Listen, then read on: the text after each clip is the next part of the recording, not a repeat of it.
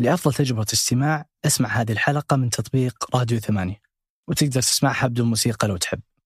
هذه الحلقة برعاية شركة Tap Payments الخليجية للمدفوعات. إذا كنت تقدم خدمات ال freelancing أو عندك متجر وتبيع أونلاين أو كنت من الأسر المنتجة فأكيد أنك مريت بمشكلة في تحصيل فلوسك من عملائك تطبيق goCollect يساعدك تحل هالمشكلة بأنك تسوي فواتير إلكترونية على شكل رابط دفع وترسلها لعملائك خارج وداخل المملكة ويسددون من خلال التطبيق بالطرق المفضلة لهم مثل مدى أو Apple Pay وتحصل فلوسك على حسابك البنكي بكل سهولة. كل اللي عليك تسويه أنك تنشئ الفاتورة ترسل الرابط وتحصل فلوسك. حمل تطبيق goCollect الآن من الرابط الموجود في وصف الحلقة وتعرف على طريقة عمله أصدقاء مربع الرائعين أهلا بكم في حلقة جديدة من بودكاست مربع. معي أنا حاتم النجار كل خميس ضيف جديد نبحث معه عن قصص جميلة أفكار مفيدة ونقاشات مثرية.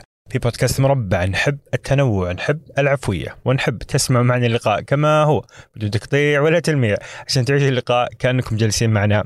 وتستمتعوا. قبل ما نعرفكم ضيف اليوم نحب نشكر على البودكاست مرسول أرهب تطبيق سعودي بالعالم اللي يوصل كل شيء لأي مكان في أي زمان. يساعدنا أيضا نوصل بودكاست مربع لكم. كل ما جيت تطلب اطلب من مرسول. كل ما طلبت من مرسول استخدم كود مربع اللي بيكون فيه عروض متنوعة طوال العام. أما ضيفنا اليوم فهو العم زهير السباعي وهذه الحلقة الثانية المكملة للحلقة الأولى اللي كانت الخميس الماضي. تحدثنا في هذا الجزء عن أحد أكبر اهتمامات العم زهير وهي قضية أهتم بها مبكرا جدا وكانت جدلية في وقتها ولا تزال جدلية حتى الآن اللي هي الطب باللغة العربية.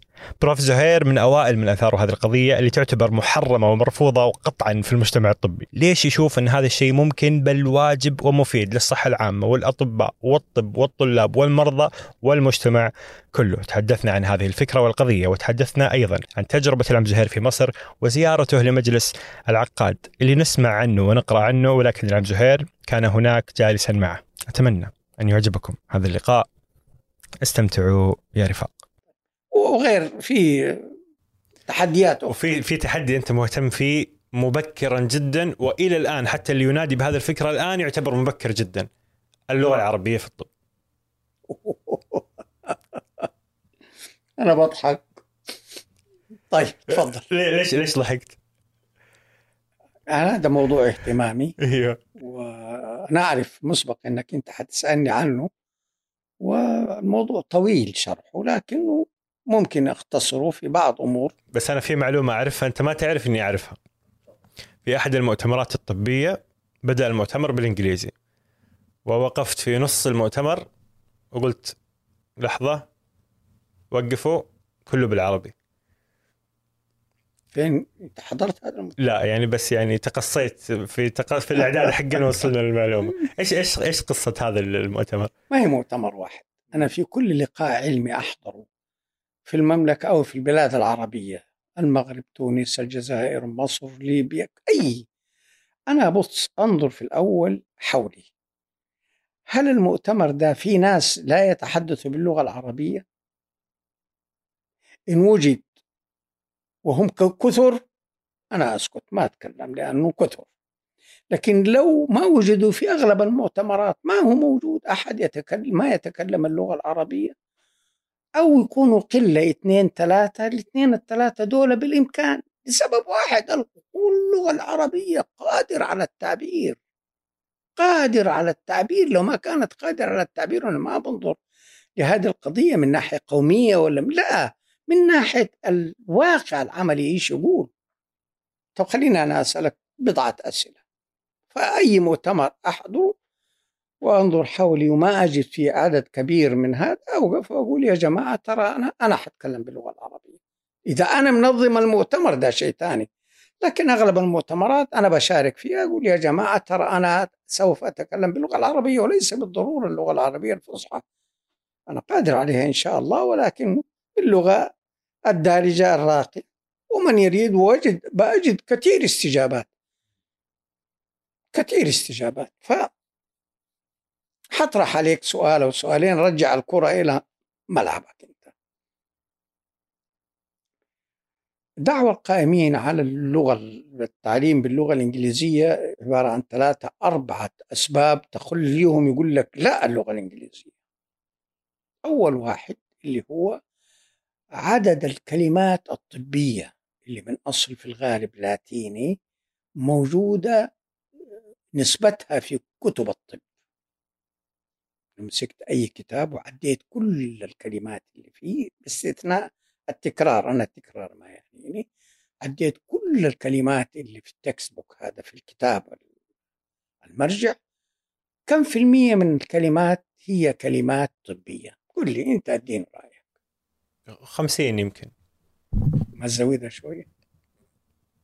يعني في الجمل حقت الوصف.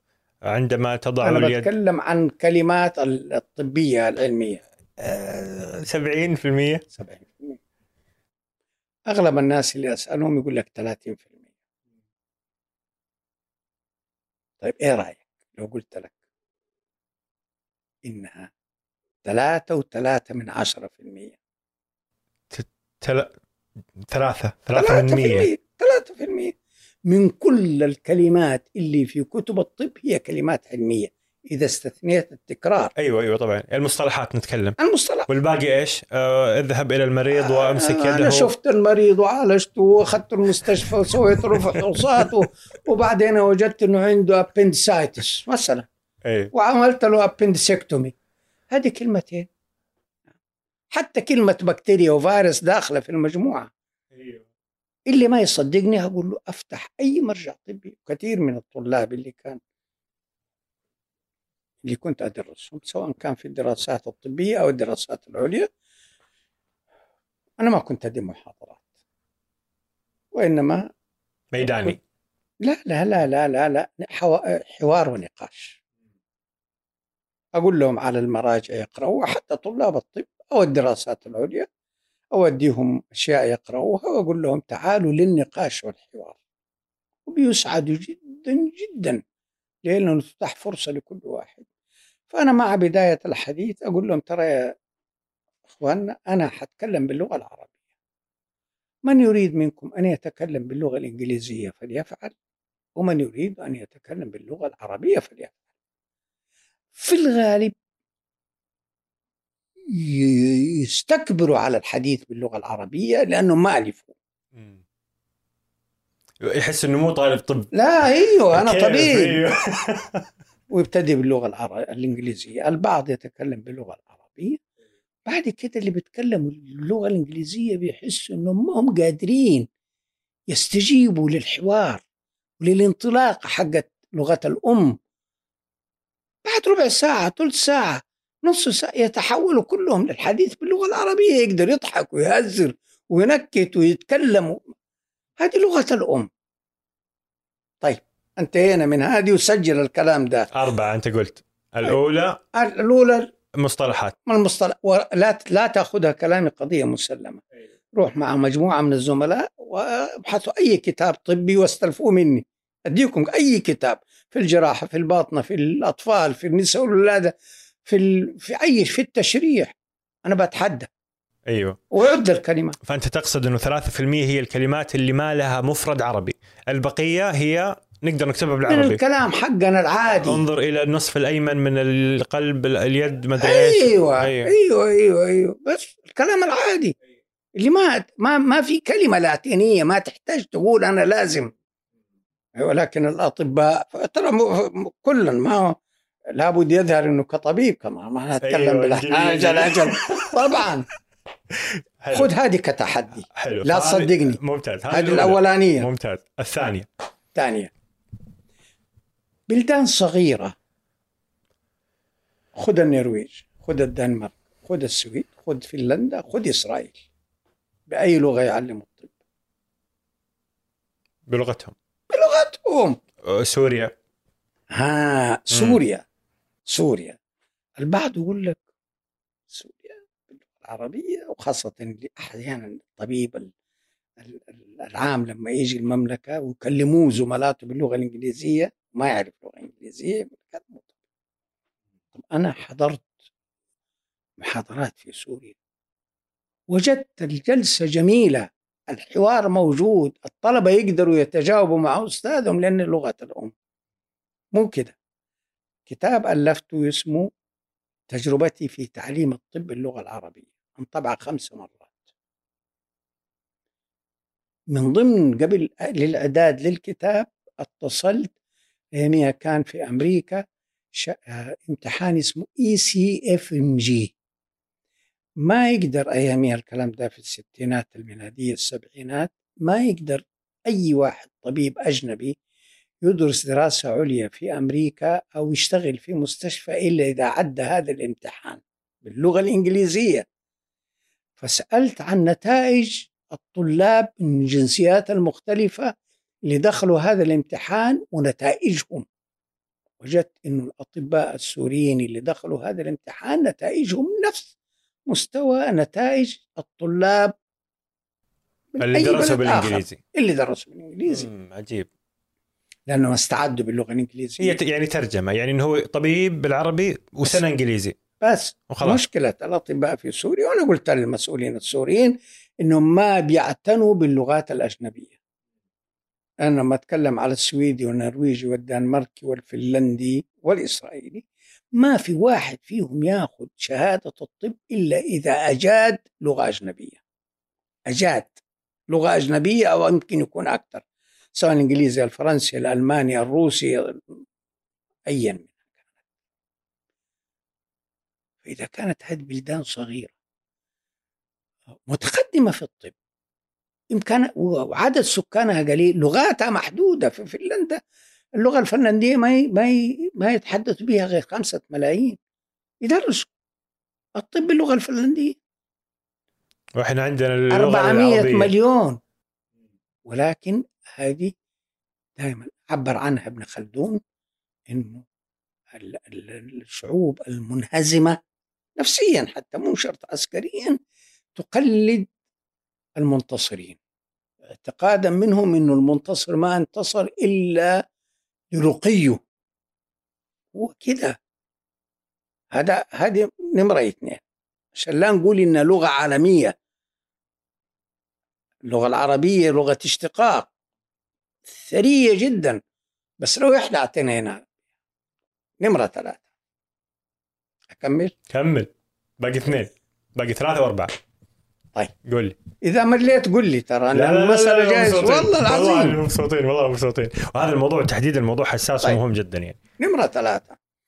يجي واحد يقول لك يا أخي إحنا ما عندنا كتب ولا مجلات بالعربي ولا علومنا الطبية كلها باللغة الإنجليزية إحنا ضعاف. أي شوف اليابان. إيش في في اليابان يقول لك اليابان بعد أسبوع من صدور آه، مقال ولا كتاب ولا بعد أسبوعين يكون الترجم إلى اللغة اليابانية. نقول له جزاك الله خير هذا تحسب عليك ما تحسب علي. يقول لي كيف؟ إن هم بالي... الأساس الياباني. كويس. أنا في مرحلة الإعداد الطبعة الأولى من كتابي صدر قبل 25 سنة. تجربتي في تعليم الطب باللغة العربية. وأخذ مني إعداد ثلاثة أربعة خمسة شهور. زي ما قلت لك أعيد طباعته خمس مرات. اللي اهتموا به طبعا المسؤولين والمهتمين عن التعليم الطبي وأنا في مرحلة الإعداد للكتاب هذا آه، طلبت كل المراجع الموجودة باللغة العربية في سوريا. واللي عملتها منظمة الصحة العالمية ولبعض المؤلفين العرب في مصر وفي غيرها وجاءتني اجتمعت عندي مكتبة كبيرة. لما فحصت هذه المكتبة وجدت أنه الكتب الموجودة والمراجع في كل فروع الطب الكلام ده قبل 25 سنة تكفي وتزيد عن حاجة طالب الطب لإنهاء البكالوريوس. أي نعم الدراسات العليا ده شأنها آخر. طيب هذه واحدة الشيء الثاني.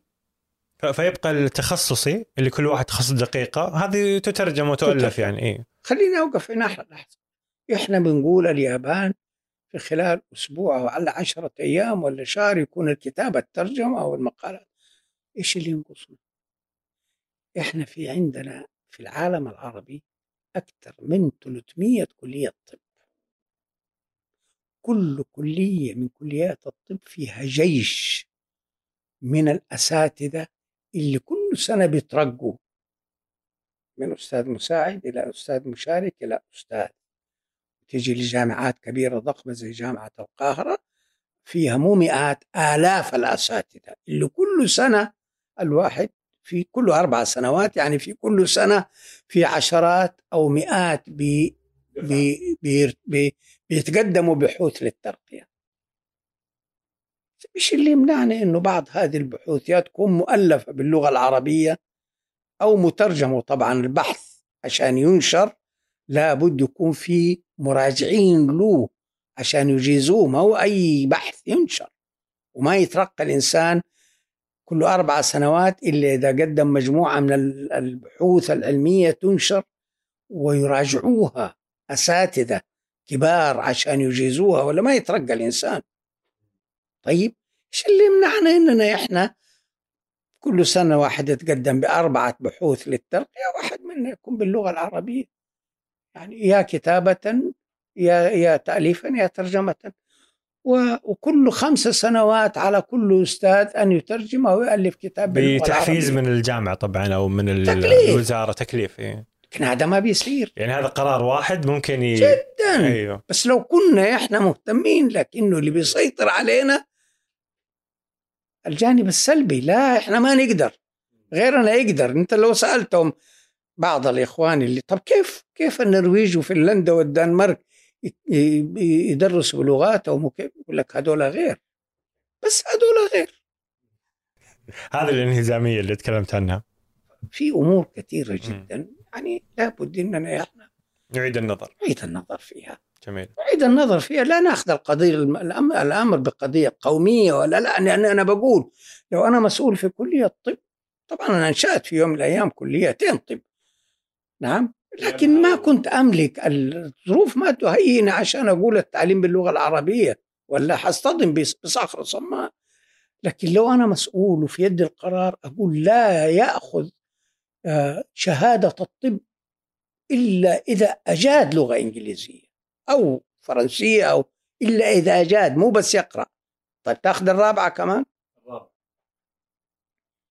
قد خطر لك في بالك طالب الطب إلى في نهاية السنة الأخيرة أية أسهل له لو قرا المرجع حقه باللغة العربية ولا باللغة الإنجليزية؟ بالعكس أنا أحس انه جزء من صعوبة دراسة الطب على طلاب الطب إنه يحتاج يتكيف مع اللغة الإنجليزية بمفرداتها العلمية. البعض يقول لك على السؤال ده لا أنا طبعا أقرأ باللغة الإنجليزية. سوينا بحث ودراسة في كتابتي ونشرتها في كتابي تجربتي في تعليم الطب باللغة العربية. سرعة القراءة والمقدرة على الاستيعاب بتزداد 80% لو قرأت باللغة العربية. بس إحنا ما تعودنا. لأن هذه لغة الأم. تقدر تعمل تصور كده سريع للفقرة وتفهمها. اللغة الإنجليزية ما أقول صعبة. لمن أجد وأجاد وتعب على نفسه بيبقى ممكنة. ولكن تعال في المتوسط. تعال وأنا بتحدى. تعال ل 90% من خريجين كليات الطب في العالم العربي. أنا أستثني 10 15% اللي اشتغلوا على أنفسهم أو اللي أمهاتهم وأبائهم دخلوهم مدارس أجنبية دول أستثنيهم. لكن تعال للبقية. 85% لا لا يجرؤوا أن يقرأوا مجلة ال Newsweek ولا ال Time. أنا أتحدى. صحيح أنا صحيح. أنا أتحدى لأنه ما هو مهيأ. صحيح. نعم. ما هو مهيأ للغة الإنجليزية بقدر كافي. فهذا يصعب دراستهم في الجامعة. ما ما قد حاول إنه هو يقرأ خارج حدود كتب الطب ولكنه حتى في كتب الطب إحنا ترجمنا مقالة طبية باللغة موجودة باللغة الإنجليزية ومترجم باللغة العربية وأعطيناها لمجموعات من الطلاب ومن أطباء الامتياز ومن الأطباء اللي بعد الامتياز. وقلنا لهم اقرأوا واختبرنا في مدى استيعابهم وسرعتهم في القراءة. ترى هذا كله منشور. وإحصائيا ترى ما هو كلام عادي. ما هو كلام عادي هذا كلام إحصائيا ثابت. هذا للمدعي أن يعني البينة وال الحجة على الحجة على هذا. لا أنت نعم. روح وقول لي لا والله أنت غلطان أقرأ كتابي وأقرأ تل... سرعة القراءة والاستيعاب أفضل باللغة العربية وهو لسه ما تعود عليها. فأنا أبغى أقول إنه اللغة العربية لغة القرآن آه، لغة اشتقاق لغة ثرية جدا بما لا يقاس ولكنه الهزيمة نفسية بس. الجدار اللي تكلمنا عنه بين الطب العلاجي والطب الوقائي هل تعتقد أنه جزء كبير من من ما يوجد هذا الجدار أصلا هو حاجز اللغة؟ قد يكون بين المريض والطبيب. أي قد يكون لأن أنا لما بتكلم ما بتكلم على بس الطبيب المعالج اللي يستطيع يشرح للمريض مثلا. أنا بتكلم على الطبيب الذي يقود الفريق الصحي. ويخرج بالفريق الصحي للمجتمع. هذا حلم. قد يتحقق الآن ولا مستقبل لكن لابد أن يتحقق لأن هذا لا يصح إلا الصحيح. وأما الزبد فيذهب جفاء وما ما ينفع الناس فيمكث في الأرض. الطبيب ليس دوره فقط خاصة طبيب الأسرة ليس دوره فقط أن يحجز نفسه بين أربعة جدران ويشوف المرضى. مهمته أن تتسع اهتماماته للوقاية والعلاج معا. كده و و و وما يقول هذه ما هي مسؤولية مسؤوليات الآخرين لابد أن يهيأ لذلك. كده كويس؟ عشان يخرج إلى المجتمع ويتحادث مع المجتمع ويسهم في تغيير المجتمع لابد أنه هو يستطيع أن يتواصل مع المجتمع في الثقافة الصحية بلغة عربية. أنا قبل ما أنا أنا كثرت عليك في لا أنا ترى شوف الوقت إحنا خلص عندنا بس اللي تقدر أنت يعني إذا تعطيني 10 دقائق أي فنجلس لا، 10 دقائق. تعطيني نص ساعة نجلس تعطيني ساعة نجلس ساعة لا،. لا، لا. إحنا عندك ما شاء الله والمواضيع كثيرة ويعني ما شاء الله حياتك ثرية جدا لا لا بس هي تذكر طالما إنه الحديث بيتحدث عن الطب وبعد كده أيوه. نوقف وما نتكلم كلمة عنه حاضر حاضر أنا أنا حجيك ترى الحين في في مصر وفي صالون العقاد بس بس طيب بس خليني أكمل قولي. النقطة تفضل لما نيجي نقيم الرعاية الصحية نقيمها برضا الناس ها؟ لما أجي لمية واحد أسأله أنت كيف رضاك عن الرعاية الصحية؟ أول شيء يخطر في باله هل متوفر فيه له سرير في المستشفى؟ هل متوفر له طبيب يعالجه؟ هل متوفرة فيه ممرضة تديله الحقنة؟ هذا أول شيء يخطر في باله. لكن ما يخطر في باله كثير قضايا وقائية ما تهيأ لها. اللي هي الماء النظيف والأكل الصحي والسكن ال- النظيف طبعا ونمط الحياة من عموما يعني. البيئة الصحية بيئة. ما هذه ما ما بيفكر فيها لأنه ما تهيأ لها وإحنا ما ساعدنا على هذا التفكير. فلا يكفي فقط تقول لي أنا أبغى أشوف رضاء الناس عن الرعاية الصحية كمعيار للرعاية الصحية وإنما يجب أن تذهب بعد هذا. هل صحتهم ومقومات الصحية في مجتمعهم موجودة ولا لا؟ بس. واضح. دكتور صالح الأنصاري آه، عاد ما شاء الله أنت تخرج على يدك يعني آه، طلاب كثر فما أدري إذا تذكره ولا لا بس هو أحد أكبر يعني ما شاء الله المؤثرين في مجال الصحة العامة حاليا. وأخبرني أنه رسالة الدكتوراه حقته كانت باللغة العربية بدعم منك شخصيا وأنت كنت أحد المحكمين على رسالته. أيوه نعم إحنا خطونا خطوة جبارة في هذا جبارة بمعنى الكلمة. كل الرسائل الدكتوراه الدكتوراه والزمالة هي رسالة موازية للدكتوراه في العالم العربي. في كلية الطب كلها باللغة الإنجليزية. فكنت أنا ايامها براس قسم طب الأسرة والمجتمع في جامعة الملك فيصل في الدماغ فانا سالت نفسي وسألت زملائي ليش يا جماعة؟ ليش يا وخاصة في طب الأسرة لأن طب الأسرة رسائل الدكتوراه هذه مجتمعية يخرج فيها طبيب الأسرة اللي بيحضر للزمالة إلى المجتمع. إلى المجتمع إلى المؤس... المصانع إلى الشركات إلى عشان يدرس الوضع ليش يا جماعة؟ طيب خلينا نسأل أنفسنا. اللي, اللي بيدرس عربي وأستاذه اللي بيشرف عليه إذا كان بيشرف عليه عربي فهو واللي بيمتحنه ممكن يكون عربي ممكن ما يكون هذا شيطان لكنه ممكن 80% عربي. فاهمني؟ والرسالة في مجتمع عربي واللغة العربية قادرة. ليش يا جماعة؟ فاتفقوا معايا في القسم وسوينا أول خطوة جريئة. إنه لماذا لا تعمل دراسة الزمالة الدراسة الميدانية باللغة العربية؟ انتشرت الفكرة بين الطلاب بعضهم تحمس للفكرة بالأسماء أعرفهم أعرفهم تماما. وفكر فيها لكنه المشرف عليه عربي. قال له لا استنى ترى مراجعك باللغة الإنجليزية حتتعب. وبعدين أكثر من كده في دائما إحنا بنجيب ممتحن خارجي كان يميها الممتحن الخارجي لهذا الطالب اللي أنا أذكره بالاسم. آه آه كان ديفيد مورلي أستاذ قدير. بريطاني ويجينا كأستاذ خارجي.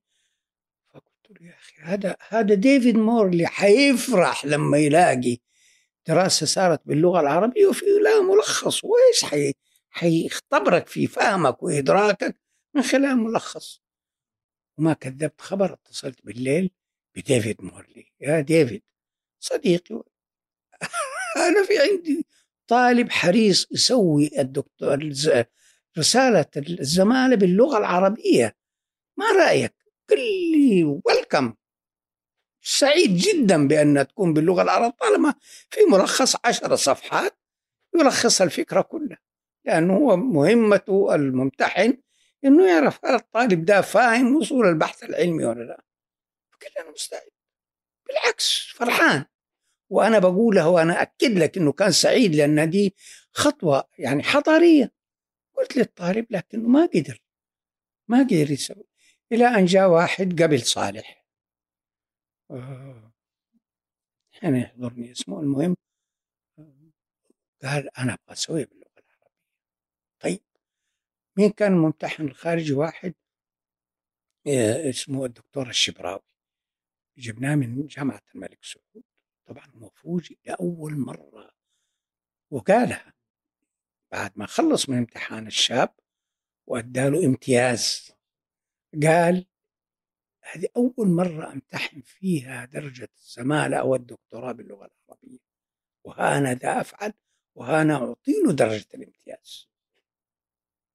وبعد كده انطلقنا. طبعا متعثرين لكن جاء صالح فالله يذكره بالخير. وما شاء الله صالح تأثر بك؟ و... وأنجب ما شاء الله أبناء رائعين الله يحفظهم. ومنهم آه عبد الاله الأنصاري. عبد الاله ابن الدكتور صالح. عنده مبادرة جميلة جدا اسمها تحدث العربية. ان شاء الله. ما شاء الله الأثر يعني واستضفناه سابقا. عنده مبادرة جميلة جدا. يحاول في الطب وخارج الطب يعني هو ما هو متخصص طبيا بس عنده مبادرة جدا مؤثرة يعني في تحدث العربي لو في حاجة ثانية يعني صالح دكتور صالح الأنصاري بيذكر هذه بالخير. هو طبعا بيدعو للمشي المشي. للصحة نعم. إيه، كيف جات هذه الحكاية؟ لما كنا في الخبر كنت أنا رئيس القسم وطالب في القسم. في أرامكو. في لا مو في أرامكو جامعة الملك أيوة فيصل. أيوة. أيوة جامعة الملك فيصل. فكنا نلتقي في صلاة الفجر. بعد صلاة الفجر نمشي ساعة على الكورنيش. فاهمني كيف؟ فهو يعني لو سألته يقول لك أنا أخذت فكرة المشي من أخي الدكتور زهير. جميل. والحمد لله هو الآن بيدعو لل ما شاء الله عليه. لا مؤثر ما شاء الله عليه والله يقوي يعني رسالته قوية. ويعني نعود لبداية اللقاء. الطب الوقائي ما شاء الله يعني أداة أنت استخدمتها وصنعت أثر عظيم جدا. ما شاء الله تبارك الله. فهذه يمكن رسالة للأطباء واللي ناويين يدخلوا طب. أعطوا نظرة لموضوع الطب الوقائي وطب الأسرة. لأنه مهم مهم جدا. تبغانا نطلع من الطب؟ حنطلع من الطب. وما شاء الله يعني مو خلاص. طيب حاضر حاضر حاضر. بس أنا عندي سؤال سريع. عندي فضول عن صالون العقاد. كنت في مصر آه، بعد آه، أول أول رحلاتك بعد مكة كانت مصر ودرست هناك الطب آه، بكالوريوس وكنت أحضر صالون العقاد. إحنا هذا نعرفه في في, في الروايات والقصص والأدبيات. وصف لي كيف كان صالون العقاد؟ وكيف كانت تجربتك فيه؟ مين مين كنت تقابل هناك؟ تجربتي في مجلس العقاد كان يوم الجمعة في بيته في مصر الجديدة. يبدأ من الساعة تسعة وينتهي حوالي بعد صلاة الجمعة. طبعا البعض كان يترك المجلس ويذهب للصلاة. المهم مو كذا العقاد هذا طبعا ظاهرة أنا بقول ظاهرة والبعض أنا منهم. يقول أحمد الله إني عشت في عصر كان في العقاد رجل مفكر صامي في تعليمه ما عنده غير الابتدائية لكن كان أكبر مثقف. موسوعي كان. مثقف موسوعي. موسوعي.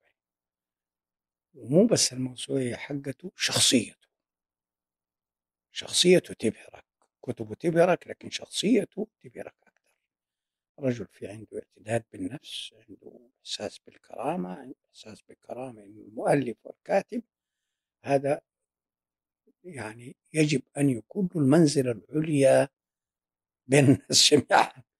نعم وكان عنده اعتداد بنفسه. اعتداد قد لا تقبله من أي إنسان لكن لما يجي من الأوقات بتقبله. سئل مرة. أستاذ عقاد أنت ليه ما تقدمت للدكتوراه؟ قال ومين يا مولانا يديني هي؟ سئل مرة في مجلسه هل أنت وصلت إلى قمة الأدب؟ شوف الإجابة أنا بحاول أقلده ما ما أقدر بس يعني مجرد الأدب قمم كثيرة وأنا وصلت إلى قمة من قمم الأدب. قد تساويها قمم أخرى ولكن لا تجاوزها قمة. هو دحين بيتكلم على الأدب العالمي مو الأدب المصري. فالرجل كان يعني موسوعي. في مجلس سئل مرة عن الفرق ما بين آه، بيتهوفينية سيمفونية بيتهوفن الخامسة والسابعة. كان جالس في مجلسه الشجاعي الشجاعي ده أحد. أساطين الموسيقى في مصر وجلس يتكلم باستفاضة عن الفرق ما بين السيمفونيتين في حضور الشجاعي. فالرجل يعني كان كان في الشعر وفي الأدب وفي التاريخ وفي ال- الله يرحمه كان قمة. تشعر انه تجربة مصر ما شاء الله أنت يعني الطب العربيه ولك مؤلفات في تجربة الطب العربيه ولك حتى مؤلفات في أخلاقيات الطب وفقه الطب. هل أثرت مصر في تجربة ال ال الأديب الطبيب الأديب؟ ما أقدر أنا أقول لك إنما بطبيعة الحال الواحد كانت هذه أفكار بتتلاقح. كنت عندي اهتمام بأن أنا يعني أجلس في جلسات آه، العقاد إبراهيم فودة بعض ال- الأدباء بعض الجلسات. الوالد كانوا لما يجينا مصر كانوا يجوا له مجموعة من الأدباء السعوديين. اللي موجودين أيامها في مصر فكنا نحظى بلقاءات معهم في بيت في بيتنا مع الوالد. يعني وكانت لي قراءاتي الخاصة فالحمد لله يعني ما, ما في شك إنه كان في يعني تأثير وحاولت نقل التجربة لأبنائك وبناتك حتى إن عيدياتهم كانت كتب.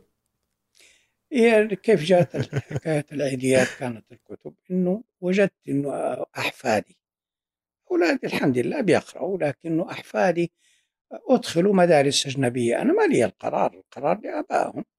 مدارس أجنبية ما في شك إنها فيها تميز كبير جدا لا شك في ذلك ولكنه لما بيقرأوا كل القراءات حقتهم أو أغلبها كلها باللغة الإنجليزية. فوجدت أنه ما عندهم ما بيقرأوا باللغة العربية. فحرصت أني أنا عندنا عادة في في عائلتنا أن نحن نتهادى في عيد الفطر المبارك. فصرت عادة في في العشر الخمسة عشر من السنة الأخيرة أني أنا في أواخر رمضان أخذهم كلهم أجمعهم الأولاد والأحفاد والأزواج والزوجات ونروح واحدة من المكتبات. بلاش أسميها عشان يعني تصير بعدين دعاية. واحدة من المكتبات من اللي بتبيع الكتب الكبرى وأطلقهم فيها وهم يختاروا ما يختاروا. وأحاول أني أنا أوجههم للغة العربية. بعض الشيء. بعدين آه، آه، تأخذها كلها تشتريها ويجوا يوم العيد يستلموها. هي كيف يستلموها؟ برضو بشيء من الفكاهة. إحنا أخذين على بعض يعني. فأول كتاب يجي في يدي وليكن مثلا نظرية إينشتاين. وألاقي واحد من الأطفال عمره خمس سنين هيا يا أبوي هذه كتابك هذا ما هو حقي ما أبغى. أو لعبة أديها لأبوه ولا أيوه. لأمه. يقوم يروح يشبط فيها. هذه حقتي مي حق حرزه كذا يعني نوع من التفكك لا أكثر. الله يحفظهم. إذا توجه لنا رسالة من من المستقبل للشباب بعد هذا العمر والتجارب إيش إيش توصي أحفادك؟ وتوصينا جميعا ونختم هذا اللقاء ما تعبك. توصيات ترى ما هي مفيدة كثير لكن كلمتين كده على الماشي. أنا أتمنى كل شاب وشابة يكون لهم هدف في حياتهم. هدف كبير هو يصوغ ما حد يصوغ هو. مثلا أفرض أنه يبغى يصير طبيب ولا مهندس ولا بناء ولا تاجر ولا كلها في مقولة للعقاد أبغى أقولها هنا بتقول إنه غناك في نفسك. وقيمتك في عملك ودوافعك أولى بالتحري من غاياتك. الأولانية والثانية سهلة غناك في نفسك. أنت ما أنت غني ب- لا بأموال قارون ما أنت غني بكرامتك بنفسك وقيمتك في عملك قيمة أي إنسان في عمله سواء أم بتربي أولادها وبناتها أو رجل بيشقى على أسرته قيمته في عمله. نجي للثالثة هي شوية صعبة على البعض ودوافعك أولى بالتحري من غاياتك. غايتي أن أنا أصير طبيب لكن لابد أسأل نفسي أنا ليش أبغى أصير طبيب؟ عشان إيش؟ ولابد أكون صادق مع نفسي. هل أبغى طب- طبيب عشان فقط يصير عندي دخل كبير وخير وبركة؟ إحنا ما نقول لك لا ولا لكنه دوافعك أولى بالتحري من أسأل نفسك طيب بس أنا أبغى أصير طبيب عشان يكون عندي دخل ولا عشان قيمة في المجتمع ولا في حاجة تانية؟ لا في حاجة تانية وليكن مثلا خدمة المجتمع وتخفيف الآلام والوقاية من الأمراض. بس أحرص على الدوافع دي راجع نفسك فيها. لا تقولها وتكذب على نفسك. بس. فكل شاب وفتاة لابد يكون عنده هدف في حياته يسعى إليه. كبير أو صغير هو حر. هذه الأهداف حسب كل كلهم ميسر لما لكن ما يمشي إنسان في الحياة إلا يكون عنده أهداف. ودائما الأهداف أنا أفضل إنها تكون مكتوبة. يبدأ في فترة من حياته أفرض من قبل السنة المالية قبل السنة الميلادية أو الهجرية أو يكتب كده في صفحة واحدة ويحتفظ بها أنا إيش أهدافي في خلال السنة دي؟ إيش أبغى أحقق في خلال السنة دي؟ كثير من الناس ما يسووها وما يفكروا فيها وإذا فكروا فيها ما يكتبوها لا أقول له أرجوك تفكر فيها وتكتبها على ورق. وتحتفظ بالورقة دي ترجع لها ما بين وقته عشان تسأل أنفسك نفسك هل أنا فعلا ماشي في الطريق اللي أنا حد وقد تغيرها؟ ما حد قال لك لا. التنظيم.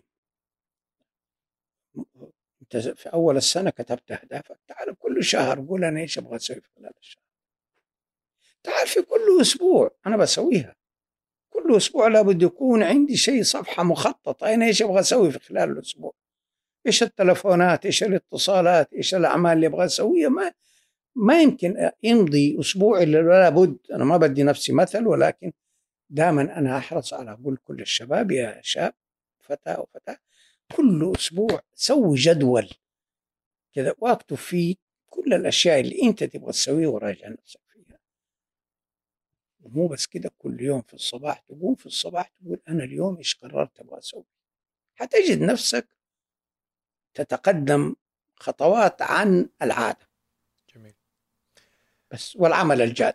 العمل الجاد. العمل الجاد اللي تتعب فيه وترهق نفسك فيه وتحس إنك أنت تعبت هو هذا اللي بيعطيك القيمة. جمال في الحياة. ما أقدر أعبر لك عن شديد امتناني والله بتواجدك معنا وبإضافتك الثرية العظيمة للقاءاتنا في مربع. ممتن. الله يعطيك العافية ويطول في عمرك. وأتمنى يعني جميع المستمعين يتأثروا ولو تأثرا بسيطا بال بالرحلة العظيمة هذه. فشكرا شكرا شكرا منك شكرا, وفضل لك. من الله قبل كل شيء. شكرا لك يا عمي الله يحييك. يا مرحبا. مع السلامة. وأعتذر قبل ان نقطع. أعتذر إني كنت في الجوال بس والله أنا عندي الإعداد بس كملنا اللقاء بدون إعداد. لا هذا أحسن كثير. أحسن؟ عاد بكثير. الاعداد في المخ. هذه كنت أسويها مع طلابي. أيوه. حتى طلاب الدراسات العليا. كان عندنا جلسات كل يوم في الصباح واحد يقوم يقدم موضوع. فبعضهم كان يجيب ورقة وي- أروح منتهى البساطة أنتش الورقة. تسحبها كله في دماغك. بس أنت نظمها قبل كده بثلاثة أربعة نقاط عشر خمسة نقاط لا لا وبعدين منظم تلاقي نفسك انطلق تم والحمد لله كملنا اللقاء بشكل الحمد لله ممتاز. فما وأستأذنك بنخليها في اللقاء. أنا قلت لك أنا ما قصت شيء. فيعني بخليها. سوي اللي تبغاه. الله يسعدك ما قصرت. بس أرسل لي. حاضر حاضر. حرسل لك أول ما نشرها ان شاء الله وأنا أفضل إنك أنت تخليه على قسمين. دحين قديش أخذ؟ الحين ساعة و40 دقيقة ما شاء الله. ساعة و40 أيوه ليش؟ ما شاء. الله. لا لا لا. إحنا ها. بدأنا الساعة واحدة و... واحدة ونص بدأنا. ما أدري والله. أنا عندي هنا في الجهاز. إيه طيب. واحدة ونص ودحين ثلاثة ونص يعني ثلاثة وثلث. ساعتين. يعني آه تقريبا ساعتين أيوه أيوه ساعتين. أيوه أيوه صح. خذ نصيحتي قل نصيحتي. قل قسمها بعد ما تعمل المونتاج اللي أنت تبغاه. امم قسمها قسمين. حلو. الجزء عشان لا يمل يعني غير كده فيها ملل. خلاص حاضرين. شكرا عبد الزهر. أصدقاء مربع الرائعين شكرا لاستماعكم كامل اللقاء وشكرا للعم زهير على وقته الثمين وقصصه العظيمة ومشاركته لنا تجاربه الثرية. شارك اللقاء هذا مع من تظن أنه بيعجبه وساعدنا نوصل القصص الجميلة هذه لناس رهيبين زيك. شكرا أفنان العسلاني على المساهمة في الإعداد وشكرا جوري جلال في المحتوى. وإلى أن نلقاكم الخميس المقبل مع ضيف جديد كونوا بخير.